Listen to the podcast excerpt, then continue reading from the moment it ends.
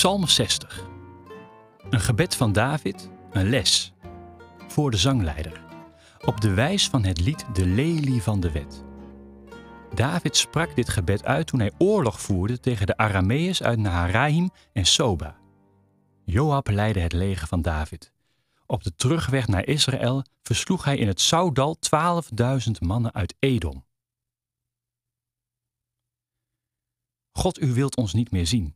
U hebt ons alle kanten opgejaagd. Zo woedend bent u. Laat het weer goed gaan met ons. U hebt de aarde laten beven, u hebt ons land verwoest.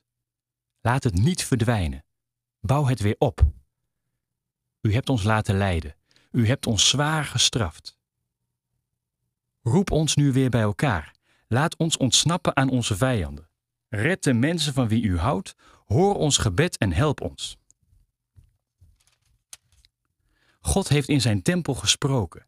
Ik zal je vijanden verslaan. Ik zal juichen om de overwinning. Ik verover de stad Sichem.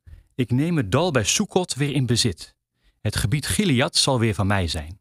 En heel het gebied van de stam Manasse. Ik zal heersen in Ephraim en Juda, in heel Israël van noord tot zuid. Ik zal ook Moab en Edom veroveren, en de Filistijnen zullen voor mij juichen. God, u wilde ons niet meer zien, maar help ons nu. Ga met onze legers mee, ga voor onze soldaten uit. Breng ons naar het land Edom, breng ons in de steden van de vijand. Bescherm ons tegen onze vijanden. Mensen kunnen ons niet helpen, maar samen met u zijn we sterk. U zult onze vijanden verslaan.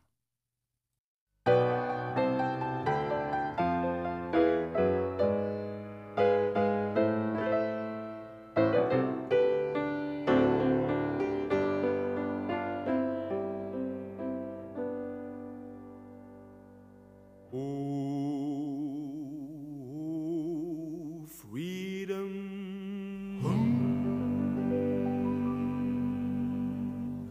Oh, freedom. Oh, freedom of me. Een psalm als Psalm 60 vind ik een van de meest lastige psalmen. God en oorlog horen hier bij elkaar. God wordt om hulp gevraagd om het leger van de koning te laten overwinnen. En ja, dat gaat gebeuren. De stem die in de tempel klinkt zegt: Ik zal je vijanden verslaan, ik zal juichen om de overwinning. Het is de stem van de eeuwige, de liefdevolle, de genadige en barmhartige. Er zijn te veel oorlogen geweest waar God bijgehaald werd om deze psalm om te kunnen denken. Er staat wat er staat. Er staat wat er staat en dat onthult een geloof dat God zich met alle terreinen van het leven bemoeit.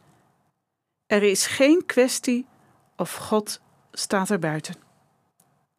Hoe zie jij dat eigenlijk? Is God bij alles wat mensen overkomt, wat jou overkomt, betrokken? Stuurt Hij geluk? Stuurt ze ongeluk? Hoe is God betrokken bij oorlogen en rampen, ruzies en narigheid? Uit de psalm spreekt dat als Israël in de verdrukking komt door zijn vijanden, dat God daar zijn hand in heeft. U hebt ons alle kanten opgejaagd, zo woedend bent u. Heel het leven, alles wat dit volk overkomt, heeft te maken met de relatie van het volk en zijn God. En in alles wat er gebeurt, staat die relatie, het verbond van God met zijn geliefde volk, op het spel. Als het volk de afspraken verwaarloost, komt God in actie met straf dat als narigheid voor Israël gevoeld wordt. Dan is spijt nodig en opnieuw proberen, opnieuw de leefregels gaan doen. God wordt te hulp geroepen in tijden van oorlog. Het klinkt voor mij vreemd. En toch. Als je maar met weinig bent, als je niet zo sterk bent, wat moet je dan? En toch, die God die aangeroepen wordt, werkt verrassend anders dan met de kracht van sterke legers. Een voorbeeld hiervan is toen het volk Israël vluchtte uit Egypte en achtervolgd werd door een leger met paarden van de vijanden. Dat leger werd niet door zwaarden tegengehouden, maar door de kracht van het water.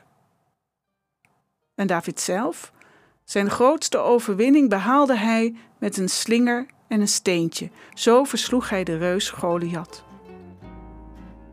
God betrekken bij een oorlog. Ik weet het nog steeds niet. Het maakt me onrustig. En toch, als er geen alternatieven zijn, wat moet je dan?